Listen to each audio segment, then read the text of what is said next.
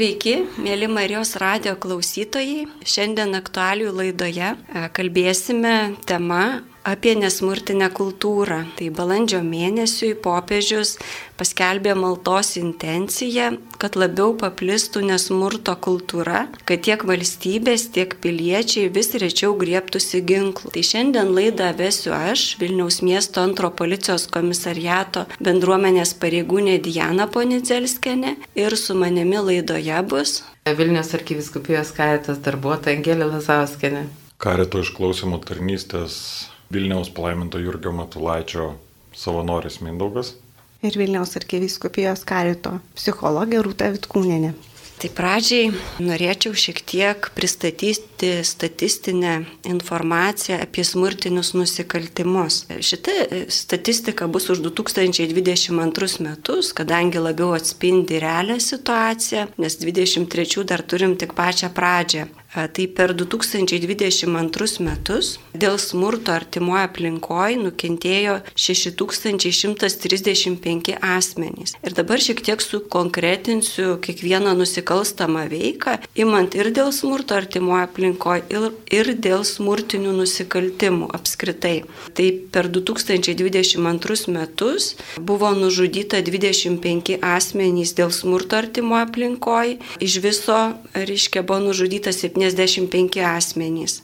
Dėl sunkaus sveikatos sutrikdymo, dėl smurto artimoje aplinkoje nukentėjo 25 asmenys, bendras skaičius yra 127. Dėl nesunkaus veikatos sutrikdymo, dėl smurto artimoje aplinkoje nukentėjo 229 asmenys, bendra, bendras skaičius 1238 dėl fizinio skausmo sukėlimo ar nežymaus sveikatos sutrikdymo nukentėjo dėl smurto artimo aplinkoje 5396 asmenys, bendras skaičius 7846 asmenys. Dėl grasinimų nužudyti ar sunkiai sutrikdyti sveikatą ar žmogaus terorizavimo, dėl smurto artimo aplinkoje nukentėjo 247 asmenys, bendras skaičius 430 27 asmenys. Tai jeigu įmant tą statistinę informaciją, matom realybę Lietuvoje, kad vis dėlto tie smurtiniai nusikaltimai vyksta ir tie tokie smurto proveržiai, kurie na, matomi iš vatos statistikos. Galbūt norėčiau akcentuoti dar vieną tokį svarbų dalyką. Čia pristačiau statistinę informaciją, kurio buvo pradėti kiteisminiai tyrimai. Bet jeigu imtumėm skaičių pranešimų, tai reiškia, kad žmogus tiesiog skambina į policiją ir praneša, kad ar konfliktai, ar smurtas artimoje aplinkoje, ar kažkokia tai situacija, kur jau kyla grėsmė žmogui, reiškia, buvo 54 870 58 pranešimai. Ką byloja tie skaičiai? Kad reiškia iki nusikaltimo Tai reiškia, tų signalų, pranešimų yra daug didesnis skaičius. Ir, ir reiškia, na, tas jau proveržis, kai jau pradeda kilti, na, aišku, pradžia būna žodis, e, po to prasideda veiksmas, ar ten stumimas, mušimas, po to peilis kyla, po to ir ginklas kyla. Tai iš esmės, va tais mažais žingsneliais prieinama prie sunkių padarinių. Šiek tiek norėčiau pakomentuoti galbūt tų pranešimų turinį, dėl ko žmonės kreipiasi, reiškia, na, kas nutinka, reiškia, šeimoje, tam tikroje aplinkoje. Tai ką mes kaip policijos pareigūnai matom, na, tai didžiaja dalimi pranešimų e, būna dėl priklausomybių. Tarkim, šeimoje yra priklausomas asmuo ar nuo alkoholio, ar nuo narkotinių medžiagų ir šeimoje pradeda kilti konfliktai. E, pati pradžia būna žmogus gal kenčia kažkurį laiką, aišku, gėda kreiptis pagalbos, jo apie tai kalbėti, nes nu, nepatogu, kaip aš čia pasisakysiu apie šitą dalyką. Na ir, reiškia, po to jau, kai ta stadija, reiškia, pasidaro sunkesnė, kai, aišku, ir pykčio proveržiai, tokiu atveju žmogus jau pradeda kreiptis į policiją. Jau čia prasideda signalai, kad šeimoje yra tam tikra situacija, nu, kuri rutuliojasi link smurto ir dar sudėtingesnių dalykų. Vėlgi norėčiau paminėti, aišku, problematiką tai, kad dažniausiu atveju priklausomas asmuo neigia savo priklausomybę. Tai pamato artimieji, kurie jau pradeda signalizuoti, aišku, per savo nesupratimą, jie bando tai veikti priekaištaudami tam žmogui, rėkdami po to ir, aišku, tokiu būdu jie negali veikti tos situacijos ir būna e, kyla proveržiai tiek iš priklausomo asmens smurto proveržiai, tiek ir to žmogaus, kuris yra artimasis, kuris na, negali susitvarkyti su ta e, situacija. E, ką dar galima išvelgti toje situacijoje, kad tai yra artimųjų irgi įdingas požiūris, kad reikia keisti tik priklausomą asmenį. Ir jie šitoj vietoj patys e, nedrįsta eiti, ieškoti pagalbos, nes galva, kad tas priklausomas asmuo jis turi eiti ir tada pasikeis pas mus situacija šeimoje. Na ir kaip minėjau, baimė gėda kalbėti labai didelį e, daro poveikį, kadangi žmogus nekalba, tas ta problema nesprendžiama ir tada, vat, kaip sakau, ta situacija na, umėja, kur būna su smurto proveržiais, kur net ir na, iki nužudimo būna nueina. Na ir kitas momentas, kad žmogus stokoja informacijos, nelabai žino, kur kreiptis ir kad yra vat, tokia pagalba artimiesiems. Dar kas yra pastebima, reiškia, iš tų pranešimų, na, smurtinių santykių modelis, kai reiškia žmogus, e, na, tarkim, gyveno savo šeimoje, kur matydavo, tarkim, galę demonstruojama, nu, tam tikrus smurtinius santykius. Ir jis nematęs tokio darnaus santykių pavyzdžio, dažnai įsineša tai į savo šeimą savo artimą aplinką ir nu, pradėjęs kurti tuos santykius, na, jis iš esmės savo supratimu juos nekuria, o greuna. Ir tada vėl prasideda pranešimai, kad, na, pat yra tokia situacija. Aišku, irgi matoma ta priklausomybė nuo kito žmogaus veiksmų, kai yra smurtiniai santykiai. Na, kas čia figūruoja, galbūt tas toks keršto momentas. Va šitas tai padarė, aš tada taip darysiu. Ir žmogus užsisuko į tokį užburtą ratą, kur kur nu šeimoje pradeda umėti tą situaciją ir vėl žodžiai, e, mušimas, stumdymas, galop tie peiliai ir ginklai kyla. Irgi galbūt dėl suplaktos atsakomybės nelabai žmogus, kai atsidūręs tam chaose, supranta, kas už ką yra atsakingas toj situacijoje. Na ir labai svarbus momentas net pažįsta savo įdų, tarkim, ar turi rūstybės kažkokią įdą ir, na, visi artimieji kenčia dėl to, jis pats nemato šito dalyko. Tai va yra tokie labai svarbus momentai. Na ir gal trečias dalykas, toks blokas, ką galėčiau paminėti, bendravimo įgūdžių stoka. Kai sukuria šeimą, tarkim, nesikalba. Na, yra problema, kur atrodo suaugę žmonės, bet jie, nu, tokias kaip nuoskaudas kaupia, kaupia, reiškia, neina į tokį santykį atvirą kalbėjimąsi nuo širdų ir tada prasideda vėl, na, žodiniai konfliktai ir toliau visas dalykas prapliūpsta smurtu. Aišku, irgi trukdo įdo susitaikyti, priimti vienas kitą kaip netobulus žmonės. Na ir dažna vat, pastebima tokia problema, kai vienas tempia į savo pusę, kitas įtempia į savo pusę. Ir tada prasideda vaikų draskimas, reiškia, na, kenčia ir patys, ir kenčia aplinkiniai. Tai vad gal šiek tiek paprašysiu pakomentuoti rūtos, kur vis tiek tenka susidurti su tam tikrom situacijom, gal tom trau, trauminiam patirtim. Ačiū dieną. Tai aš pakalbėsiu truputėlį apie traumų patirtį. Tai turbūt yra traumos, tai yra ta priežastis, kodėl tiek daug to smurto yra. Iš tų priežasčių, taigi žmogus patyręs trauminį įvykį, ar net keletą jų, ar patiriantis nuolatinės situacijas, kurios tęsiasi kartais mėnesius, o kartais netgi metų metus, jaučia didžiulę grėsmę tiek sveikatai, o kartais net gyvybei.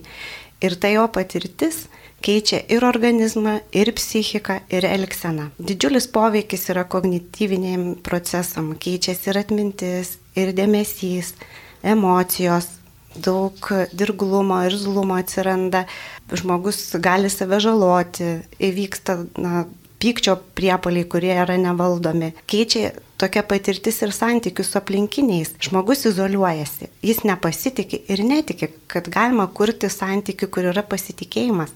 Sąmonėje dažnai iškyla tie tos patirties prisiminimai ir jie atrodo čia pat vyksta, žmogus gali netgi galvoti, kad tai vyko ar ne su juo, jis gali bandyti pasislėpti nuo tų prisiminimų, kuri vis nuolat iškyla, jį erzina. Bet labai svarbu paminėti, kad ta trauminė patirtis paveikia žmogaus santykių su savimi. Jis jaučia didžiulį, didžiulę gėdą ir didžiulį kalties jausmą. Kai šita būsena nuolatinė, su baime, nerimu, įtampa, liūdėsiu, nuolatiniu nesaugumu užsitęsia, galime manyti, kad tai jau yra potrauminis streso sutrikimas. O jeigu po trauminio įvykio daugiau negu tris mėnesius žmogus turi didžiulių sunkumų tarp asmeniniuose santykiuose, jis negali valdyti savo emocijų, negali valdyti tų pykčio priepolių arba gali jausti visišką emocinę nejautrą, ir jis nuolat jaučia savo bevertiškumą, jaučiasi visiškai menkaverčiu, galime manyti, kad tai yra kompleksinis potrauminio streso sutrikimas. Turėčiau dar pasakyti, kad vaikystės traumos sugriauna pamatinį žmogaus saugumo jausmą. Vaiko smegenys veikia taip, kad jis negali suvokti, kad už tai, ką jisai patyrė, tuos trauminius potyrius yra atsakingas suaugusis, tas smur, smurtautojas vaikystėje patirtų traumų padariniai yra tai, kad yra nepaprastai didžiulis gėdos ir kalties jausmas. Ir šitas jausmas yra na, greunantis. Jeigu trauma yra neišgyventa, jinai neišgydyta, žmogus nebegali adekvačiai vertinti situacijos. Jis turi nuolatinį beviltiškumo jausmą, neturi vilties, kad gali kažkas pasikeisti. Jis negali jausti bendražmogiškumo, atjautos, negali jausti bendrystės su kitais žmonėmis, gyvena visiškoje neviltyje ir galvoja, kad na, negali įtakoti savo sveikimo, negali turėti džiaugsmo ir vilties, o viską turi palikti, nes nėra vertas turėti, turėti vilties ir gyvenimo džiaugsmo. Taigi, aš manyčiau, kad nusiteikimas, sus, susitikimui su kitu žmogumi, ieškojimas kvalifikuotos pagalbos, o kartais tiesiog nusistatymas išjausti viską, kas yra patirta, nebijant per pokalbį gali būti pirmas žingsnis išgydyti traumą. Ačiū, Rūta. Taip, manau, kad labai toks svarbus vat, momentas, tas išklausimas, galbūt ir kalbant apie tą nesmurto kultūrą. Tai kokie gal kertiniai dalykai, tai aš gal iš savo irgi tos pozicijos norėčiau paminėti, kas gal padėtų. Tai pirmas dalykas, vat, kai matai tą realią situaciją, nu, tas, tas problemas, dėl ko kyla tos smurto proveržiai. Tai mano matymu, tai labai skirtiniai dalykai - girdėjimas ir išklausimas vienas kito. Kai šito dalyko nėra, nėra, tarkim, šeimoje, toje artimoje aplinkoje, tai va tada ir pradeda kilti tos problemos. Vėlgi atvirumas, nuoširdumas, nes būna, kad žmogus, na, tarkim, mato problemą, bet jis bijo kalbėti. Na, atrodytų nepatogu, gal aš geriau čia nekalbėsiu, gal vat nustumė, kad nepatogi yra ta tema, ar mato vat kito žmogaus tam tikrus e, trūkumus, niuansus ir nu neina į tą pokalbį. Tai va čia yra labai svarbus dalykai, na, tokį žingsnį žengti. Reiškia, bandyti išgirsti, bandyti kalbėti, nors ir atrodytų ta sudėtinga situacija. Ir labai labai svarbus momentas, na, įveikti baimę ir gėdą. Va, ką jūs rūta irgi minėjot, kad na, žmogus išgyvenantis tą traumą nu, dažniausiai jaučia tą gėdą, kad jam gėda atrodo, jis ir prisėma tą atsakomybę, kartais net ne, ne savo pusės atsakomybę, tai kai viskas yra chaosas suplakta, žmogus ir nemato iš tikrųjų. Ir dar labai svarbus momentas išdrysti kreiptis pagalbos šitoj vietoj. Aš dar norėčiau šiek tiek e, prisidėti prie šito kalbėjimo apie nesmurtinę kultūrą, nes man atrodo, kad mums reikia keistis. Ir mokytis kaip visuomenė, ir kiekvienam žmogui, ir kaip specialistams tikrai dar yra kur. Ir aš čia kalbėčiau apie tai, kad kad um, įtakoti smurtinę kultūrą, vis tiek mes turėtumėm pradėti nuo, nuo mažiausios bendruomenės, turbūt nuo šeimos, ar ne? Ir kai mes kalbam apie šeimą, tada mes tikrai turėtumėm suprasti, kad kažkur yra pradžia, Ir tai, ką mes jau matome e, arba jau turi pasiekmes, tai jau yra tikrai ne pirmi žingsniai. Tai mes kaip visuomenė, man atrodo, nepakankamai dedam pastangų ten, kur yra pradžia, kur yra pirmi, reiškia, nesusikalbėjimo dalykai, kur yra pirmie erzinimai, peržengtos pirmosios ribos ir taip toliau ir taip toliau. Jeigu čia nėra tų socialinių įgūdžių kalbėtis ir išspręsti problemus ir jeigu mes nesimokam, aišku, kad auga. Žinoma, auga problema. Ir čia um, galima sakyti, kad mes galim kreiptis pagalbos. Mano kolegė Rūta teikia pagalbą kaip psichologą žmonėms, kurie kreipiasi pagalbos, tai yra kompleksinės paslaugos šeimai, kiekvienoje savivaldybėje tokios paslaugos yra ir planuoja toliau tęsti. Tai yra nemokamos psichologo konsultacijos, nemokamos teisininko konsultacijos. Ir netgi labai specializuotos paslaugos, kaip pavyzdžiui mediacija. Tai reiškia, kad konfliktų sprendimas susitarimo būdu, nekeliaujant per teisminį procesą, tačiau atsisėdus ir, ir, ir su tarpininku kartu, reiškia, bandant susitarti ir susikalbėti dėl dalykų, dėl kurių nesutarėm. Ir man atrodo, kad mes mokomės. Tada kitas dalykas, kuris aš irgi norėčiau dar papildyti, tai yra labai svarbu, kad pagalba jinai turi būti teikiama kompleksiškai šeimoje. Mes neturim kalbėti tik tai apie, kad vien, vien, viena pusė gavo, net jeigu jinai yra nukentėjusi, žinoma, kad reikalinga pagalba. Tačiau mes nepamirškim, kad situacija keisis tada, kai ir smurtautojas gaus pagalbą, ir nukentėjęs žmogus gaus pagalbą. Ir čia aš paliesiu tokią nepopuliarią temą - pagalbą smurtautojams. Šiandien dienai mes matom jau tuos tikrai ne pirmius žingsnius, kai įvyksta kažkoks incidentas ir asmo yra baudžiamas. Tikrai stabdymus šitus dalykus e, ir pagalba tikrai yra reikalinga, žiaugiuosi nueitų keliu. Tačiau mes turim suprasti, kad tada, kai yra įvykęs įvykis ir žmogus yra kaltinamas e, ir jis turi atlikti bausmę ir kai bausmę priima tokius dalykus, kurie koreguoti savo elgesį, tai reiškia, kad išmokti elgtis nesmurtiškai. Tai čia yra įgūdžių ūkdymas ir čia yra tokie kursai kaip mokytis, reiškia nesmurtinio elgesio. Ir jeigu e, jau mes esam tokiam laikotarpiu, tai reikia tokio visai nemažo samoningumo, kad priimti tai kaip pagalba.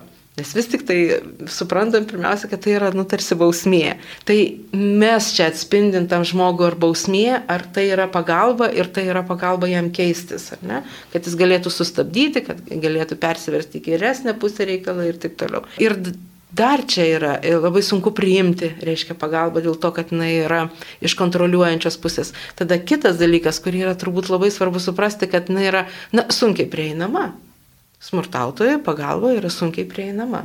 Dėl to, kad nedaug yra pagalbos, kur gali žmogus kreiptis pats samoningai kad tai būtų prieinama, tai turi būti nemokama tokia pagalba, ar ne? Jis turi būti arti ten, kur mes gyvenam, pasiekiama. Ir dar yra labai svarbu, kad jinai būtų čia ir dabar.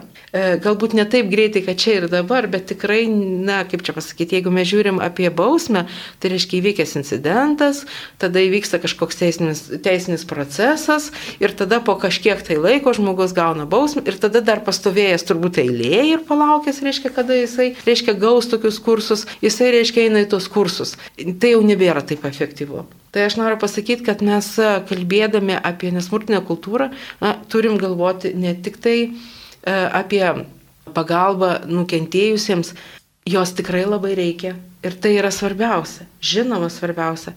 Bet kad keistųsi situacija, reikia teikti pagalbą ir smurtautojui. Kaip kompleksinė pagalba šeimai. Turbūt tiek įsijungiau į jūsų. Ačiū, Angelė. Čia geras pastebėjimas iš tikrųjų, kad, na, ta pilnutinė pagalba būtų iš tikrųjų reikalinga jinai abiem pusė. Bet aišku, būna atvejų, kai pavyzdžiui, na, tas, kuris smurtauja, Nu, jisai neigia tai ir jis nenori. Ir kartais, va, kaip aš pradžioj kalbėjau, pač priklausomas asmo, ir kartais artimieji taip nusiteikia, nuidingai nusiteikia, kad reiškia, tik jį keiskit, jį išveškit, jam kažką darykit. Ir čia vėl gaunasi toksai aklygatvis, kur šitoj vietoje atrodo nieko negali išjudinti, nors tu tam žmogui artimajam sakai, kreipkis pagalbos. Nes tu gali žingsnį žengti ir gali pradėti keistis tavo situacija šeimoje. Tai va čia yra labai svarbu, va, kaip jūs sakote, Angelė, tas abipusis pagalbos teikimas. Aišku, labai gerai pastebėjot, kad, na, kai įsikiša tas kontrolės mechanizmas, jau čia policija, visos tos oficialios institucijos, na, tai gaunasi tai per prievartą. Tas smurtautojas gauna pagalbą. Taip, jam yra ten probacijos tarnybos, kur, reiškia, privalomai turi praeiti tam tikrus nesmurtinio bendravimo kursus. Bet žmogui tai jau turbūt yra tas blokas toks, kad, nu, čia man jau per prievartą, tai jis ir eina va šitai va, per prievartą. Nors va teko, kiek man pačiai organizuoti komisariete, e, reiškia tokios pagalbos smurtautojams, reiškia pagal projektą čia prieš keletą metų vykdėm. Tai iš tikrųjų, na, vienas kitas, kur užsikabina, bet iš tos masės daugumos nuvienė. Tai, tai vat, nu, vis tiek gali būti tas geras poveikis. Ir aišku, nu, tie vat, kartais tokie kontrolės mechanizmai vis tiek jie priverčia žmogų irgi susimastyti, kad nu gal aš kažkur netaip keliauju savo gyvenime ir kažką turėčiau keisti. Tai va, tai čia na, kartu taip Taip, taip, tikrai. Postumis keistis, jis yra būtinas ir yra reikalingas ir turi, turim atvaizduoti kaip visuomenė, kaip institucijos, reiškia tas ribas, ar ne, kurias žmogus peržengia ir jos tikrai turi būti ir nurodytos, ir nubrėžtos, ir pastiprintos. Apie tą, reiškia, pagalbą ir dar sakyčiau, tiesiog žmonėm e, nebeskirstydama, tai aš sakyčiau, kad jeigu mes esam samoningi, mes galim gauti pagalbos, tačiau jos reikia ieškoti. Ir kai mes sakom, kad, e, reiškia, reikalinga pagalba, na tarsi tarsim, ar ne, nesmurtauju, negeriu ir man reikalinga pagalba. Tai ta pagalba yra sustiprinti mane tame kelyje, kad aš galėčiau kitą įtakoti, keisti. Ir čia tikriausiai apie tai.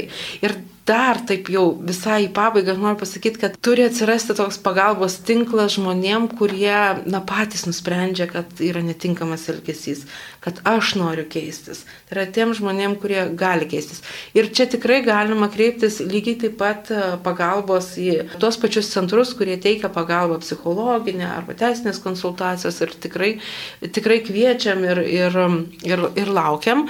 Ir yra labai svarbu, kad, ma, tokie kaip čia pasakyti, pasirinkimai žmonių keisti save ar pažinti save labiau, ar ne? Kad jisai keliautų į tokias, na, nežinau, nevyriausybinės organizacijas, į bažnyčių centrus, į tas bendruomenės, kuriuose gali jaustis, nežinau, toks, koks esi ir priimti tokį, kokie esi. Tai man atrodo, kad mes po truputį, po truputėlį vis daugiau tokių organizacijų ir galimybių turėsim ir aš žinau, kad e, čia dalyvauja Mindaugas, kuris yra iš tokios organizacijos, taip kad e, tai yra jau realybė.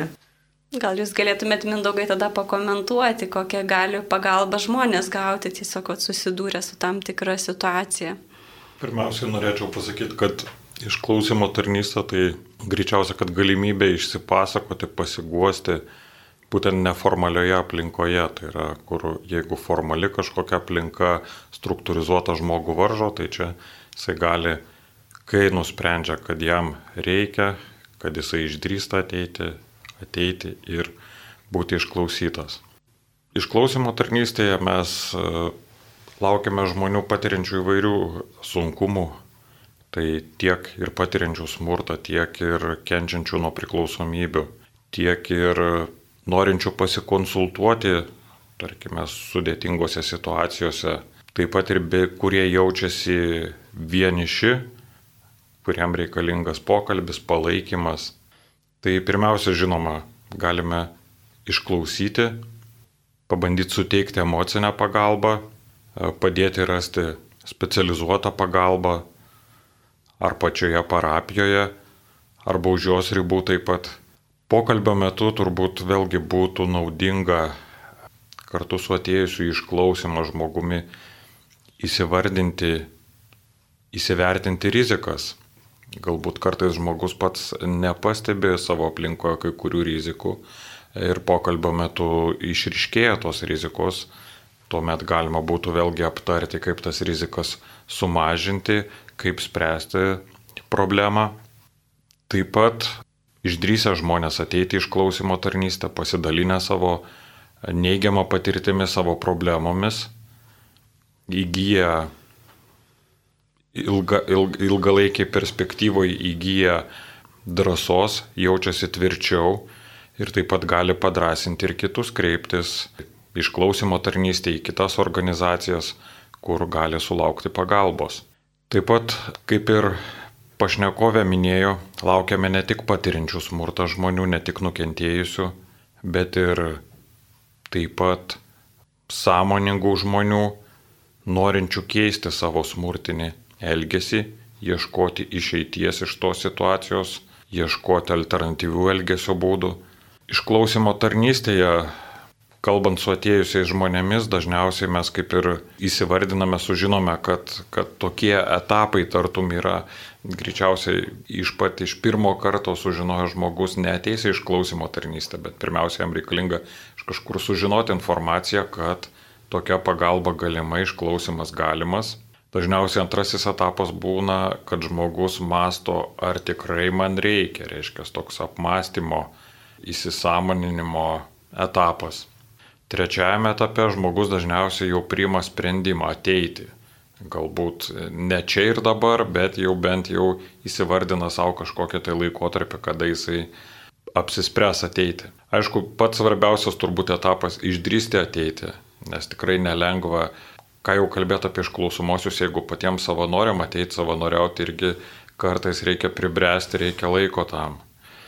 Ir žinoma, atėjus, gavus pagalbą, Taip pat vėlgi svarbu, kaip ir minėjau, dalintis tą gerąją naujieną, tai yra informuoti ir kitus apie tai, kur galima rasti tą pagalbą. E, galbūt netgi tie, kurie tiesiogiai su smurtinė aplinka nesusiduria, bet pastebi kolegas, kaimynus, kažkur tolimesnėje aplinkoje žmonės, kurie galbūt galimai kenčia nuo smurtinių kažkokių veiksmų Tai vėlgi galėtumėm pasitarnauti kaip tie žmonės, kurie informuotumėm, kad yra galimybė kreiptis, yra galimybė gauti pagalbą.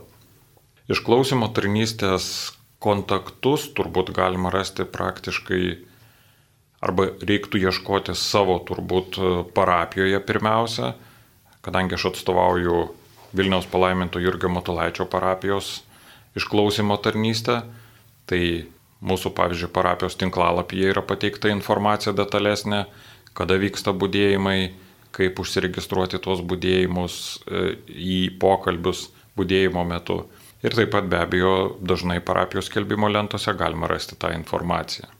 Tai kviečiame apmašius apsispręsti ir ateiti išklausimo tarnystę kartu ieškosime sprendimo kelių. Man kai Mindaugai kalbėjo, tokia mintis gimė, kažkada teko dalyvauti, neatsimenu, psichoterapeuto kažkokio mokymosi. Ir jis sako, kai pas mus žmogus ateina, psichoterapeutas yra kaip užsienietis atvykęs į kažkokį kitą užsienio miestą. Ir jis vaikštinėja ir dairos ir mato. Ir čia va man irgi ta tokia išklausimo tarnystė labai susisiejo. Kai žmogus užsisukęs į kažkokią savo situaciją, tu realiai nematai, kas ten pas tave vyksta ir kas, nu, nes tau ten jau viskas užsisukę. O čia, kai ateini pasikalbėti su kitu žmogum, jis kaip tas užsienietis atvykęs į svetimą miestą, jis vaikšto, dairinėjasi. Ir čia jūs galite va, tuo blaiviu žvilgsniu pažiūrėti šalies į tą situaciją. Ir tada, vad, nu, kreipti tam tikrą linkme tą žmogų. Bet kaip jūs sakote, jūs galite ir tuos specializuotus centrus nukreipti, kur žmogus galėtų na, gauti tam tikrą pagalbą. Tai čia aš raginčiau, kad tikrai labai labai gera tokia tarnystė, kas na, tikrai išdrįstų pasikalbėti, kad na, nenu, nenukeliautų, va, kaip mes nuo pat pradžios laidos kalbėjom, kad visą laiką prasideda nuo smulkių dalykų, kur po to pradeda sukti, sukti, suktis ir prasideda tokie sunkesni dalykai.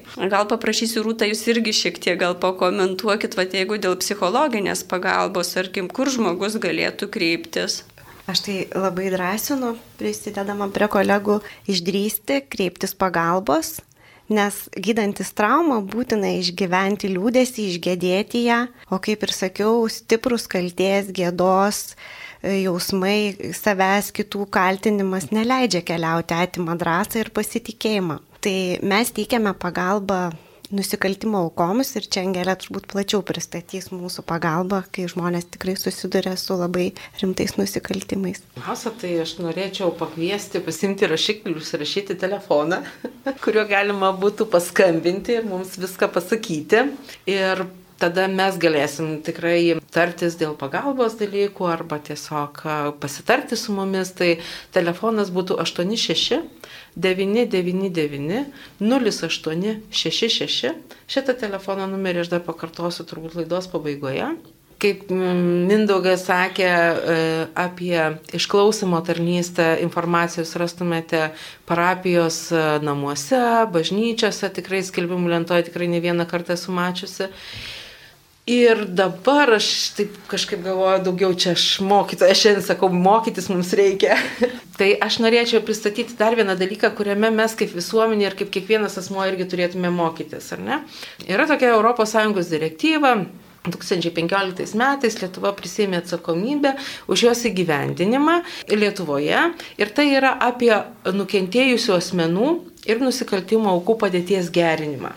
E, daug ten tokių etapų buvo, kaip e, patalpų rekonstrukcija, teismo salių pritaikymas, kad smurtautojai nesusitiktų su aukomis, galimybė reiškia duoti parodymus iš atskiros salės nuotoliniu būdu. Ir daug visokių dalykų e, buvo e, labai stipriai suaktyvinta emocinis paramos teikimas. Mes dabar jau žinom, kad ir emocinis paramos teikimas yra labai svarbus žmonėm, kurie eina per teisinį procesą ir yra sutrikę ir išsigandę skundė. Taigi e, teismuose buvo savanoriai, e, kai kur matyt dar yra likę kurie teikia emocinę paramą. Ir aš dabar noriu sakyti, kad štai dabar jau yra pusantrų metų, kaip veikia pagalbos tarnybos. Visoje Lietuvoje yra 25 šiandienai veikiančios pagalbos tarnybos. Tai yra tos organizacijos, kurios teikia pagalbą asmenims nukentėjusiems nuo bet kokios nusikalstamos veikos. Tai gali būti piniginės pavogimas, nežinau, išplėšimas rankinės, išgazdinimas, tai gali būti sukčiavimas, kaip išviliojami pinigai arba grasinimai, gazdinimai, kūno sužalojimai ir, ir visi kiti nusikaltimai. Iškia, kiekvienas žmogus, kuris susidūrė su nusikaltimu arba nusikalstama veika, turi galimybę dabar kreiptis pagalbos. Ko čia reikėtų išmokti? Tai reikėtų išmokti, kad mes liktai tarsi suprantam, kad, na, va, vaikus reikia globoti ar ne, o va, suaugęs žmogus, tai jisai yra stiprus ir visada turi gauti pagalbą pats nes jis gali tą ir moka.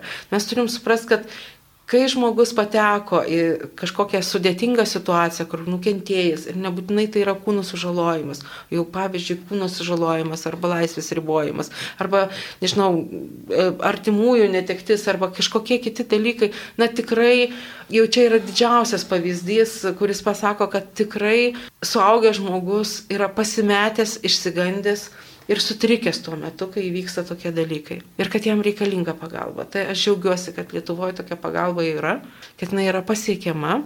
Ir kad galima kreiptis ir gauti socialinio darbuotojo palidėjimą. Jeigu žmogus sutrikęs, gal, gali būti ir užsienietis, gali būti kitos, nežinau, turistas. Ar dar kas nors, tai mes kalbam apie, apie apgyvendinimo. Čia pat kal, galim kalbėti apie tai, kad reikia ne tiesiog, kad žmogus pavalgytų, kad turėtų kur pernakvoti, kad būtų saugus, galėtų susisiekti. Tai mes kalbam apie tokius dalykus ir tada socialinio darbuotojo pagalba yra tiesiog na, suvaldyti tą, tą padėtį. Ir tada sekantis dalykas, kuris yra labai svarbus, tai emocinis palydėjimas. Eiti per teisinį procesą ir teisinį procesą ir nėra labai paprasta, labiau, kad mes visigi žinom, kad jis yra ilgas. Yra iki teisminis tyrimas, teisminis reiškia nagrinėjimas ar ne. Ir, ir tai praeina ne vien vieni metai ir tai nėra labai paprasta. Ir kartais tikrai norisi pamiršti, bet pa situacija ir patyrimai neleidžia pamiršti šitų dalykų. Ir mes, ir aš džiaugiuosi, kad žmonės keliauja per teisinį procesą, labai norėčiau, kad e, pagalbos tarnybos lydėtų ir padėtų, nes tam teisiniam procese įvyksta teisingumas. Ir dėl to teisingumo iš tikrųjų mes e, įvyk, įvykti tas teisingumas leidžia po to žmogui, kuris yra nukentėjęs nusikaltimų, tiesiog gyti, sveikti ir, ir atleisti savo ir kitam ir gyventi toliau, kas yra svarbiausia. Taigi mes kalbam apie socialinio darbuotojo pagalbą, mes kalbam apie psichologo pagalbą. Rūta tikrai kalbėjo apie, apie trauminės patirtis, ar ne? Mes turim suprasti, kad e, nu kartais reikia specialistų Gal kartais reikia pasidalinti ir gerai būtų, kad pasidalinti jausmais gal ne su kaiminė, gal ne su draugu ar draugė, gal nesupras, gal netaip įvertins, gal mus kai tik dar labiau sutrikdys tą situaciją. Reikia pasitarti su specialistais. Daugiau mažiau jie tikrai pataikys. Ir tas yra svarbu. Bet čia aš noriu pasakyti, kad kartais mes išsigastam ir sutrinkam ir tai yra trauminė patirtis ir tada jau reikalingas specialistas ir specialisto konsultacijos. Taigi galima gauti specialisto konsultaciją ir psichologo konsultaciją. Aš čia toje vietoje pasitirsiu labai paprastų dalykų. Tiesiog pažįstu moterį, kuri yra labai, labai, nežinau, aktyvi, savarankiška. Buvo, sakyčiau, netgi labai aktyvi ir savarankiška. Ir jos laiptinėje užpuolė ir norėjo atimti rankinę. Na, turbūt, ne, na, tikrai yra tokių atvejų. Ir jinai jos nedavė tos rankinės. Smurtautojas, kuris užpuolė ją, griebė už rankinės ir kadangi nedavė, pargriovė šitą moterį ir tempė nuo antro aukšto žemyn. Rankinė buvo, rankenos buvo nuplėštos, rankinė pagrobta. Kasgi atsitiko, reiškia, su šitu žmogum pasipriešinusiu? Atsitiko taip, kad jinai bijodavo įeiti į laiptinę, kad jos nebeužpultų. Ir mes vat, nuo tokių dalykų, su kuriais mes gyvenime susidurėm, lyg ir turėtumėm, su ne kiekvienas gali susidurioti. Mes niekada nežinom, kurioje vietoje yra mūsų silpnoji dalis. Tai aš tikrai labai kviečiu, nebūtina, tikrai kai vyksta labai didelis sukretimai, kreiptis pagalbos, bet kreiptis pagalbos, jeigu mes mes esam savo paties ekspertai, mes žinom, kad mums reikia pagalbos. Ir tada kitas dalykas, kad šitoje tarnyboje galim gauti teisininko konsultaciją, Kaip atrodo tas procesas? Kokia čia mano atsakomybė? Ką aš turėsiu daryti? Tai reiškia, kad nebūtinai iš karto kreiptis, tarkim, būtinai reikia kreiptis į policiją, bet jeigu abejojam ir norim žinot, kaip tas procesas atrodo, mes turim teisę gauti informaciją. Ir tada spręsti. Ir informuotas žmogus visada yra saugesnis ir labiau, nežinau, pajėgus padėti savo, pirmiausia savo. Ir mes čia dar turim šitoje vietoje kalbėti apie tai, kad Tokia pagalba neturi būti suteikiama kaip įmanoma greičiau. Tai reiškia tuo metu, kai labiausiai žmogus sutrikęs. Ir čia yra sėkmė, e, reiškia, to teisinio, teisinio proceso, kuris įvyks. Nes pastiprintas žmogus, sustiprėjęs, sunkiu metu nelikęs vienas, tai yra paremtas žmogus, jisai e, pakovos už savo teisės jisai bus stipresnis ir tada ta byla arba ta situacija, jinai tikrai bus, na nežinau, efektyviau sprendžiama, švelniai tariant. Taigi, visada galima kreiptis pagalbos į pagalbos tarnybą, mes esame akredituota pagalbos tarnyba ir telefonas, kuriuo galima būtų kreiptis, yra 86999 0866. Lauksime skambučių ir aš tikiuosi, kad um, būsim su žmonėmis sunkiu metu. Turbūt daugeliu iš klausytojų e, rūpi klausimas, kaip ir man, o sakykite, teisinė pagalba, psichologų konsultacijos, ar tai yra nemokama, ar, ar, ar vis dėlto kažkoks tai yra kitoks būdas teikimo. Ačiū, Ačiū labai prieinama pagalba, jinai turi būti nemokama pagalba. Ir mes kalbam apie nemokamą pagalbą. Mes kalbam apie psichologo konsultacijas, jeigu yra sudėtinga situacija ir dešimt. Aš žinau, kad rūta ir daugiau konsultuoja, tikrai.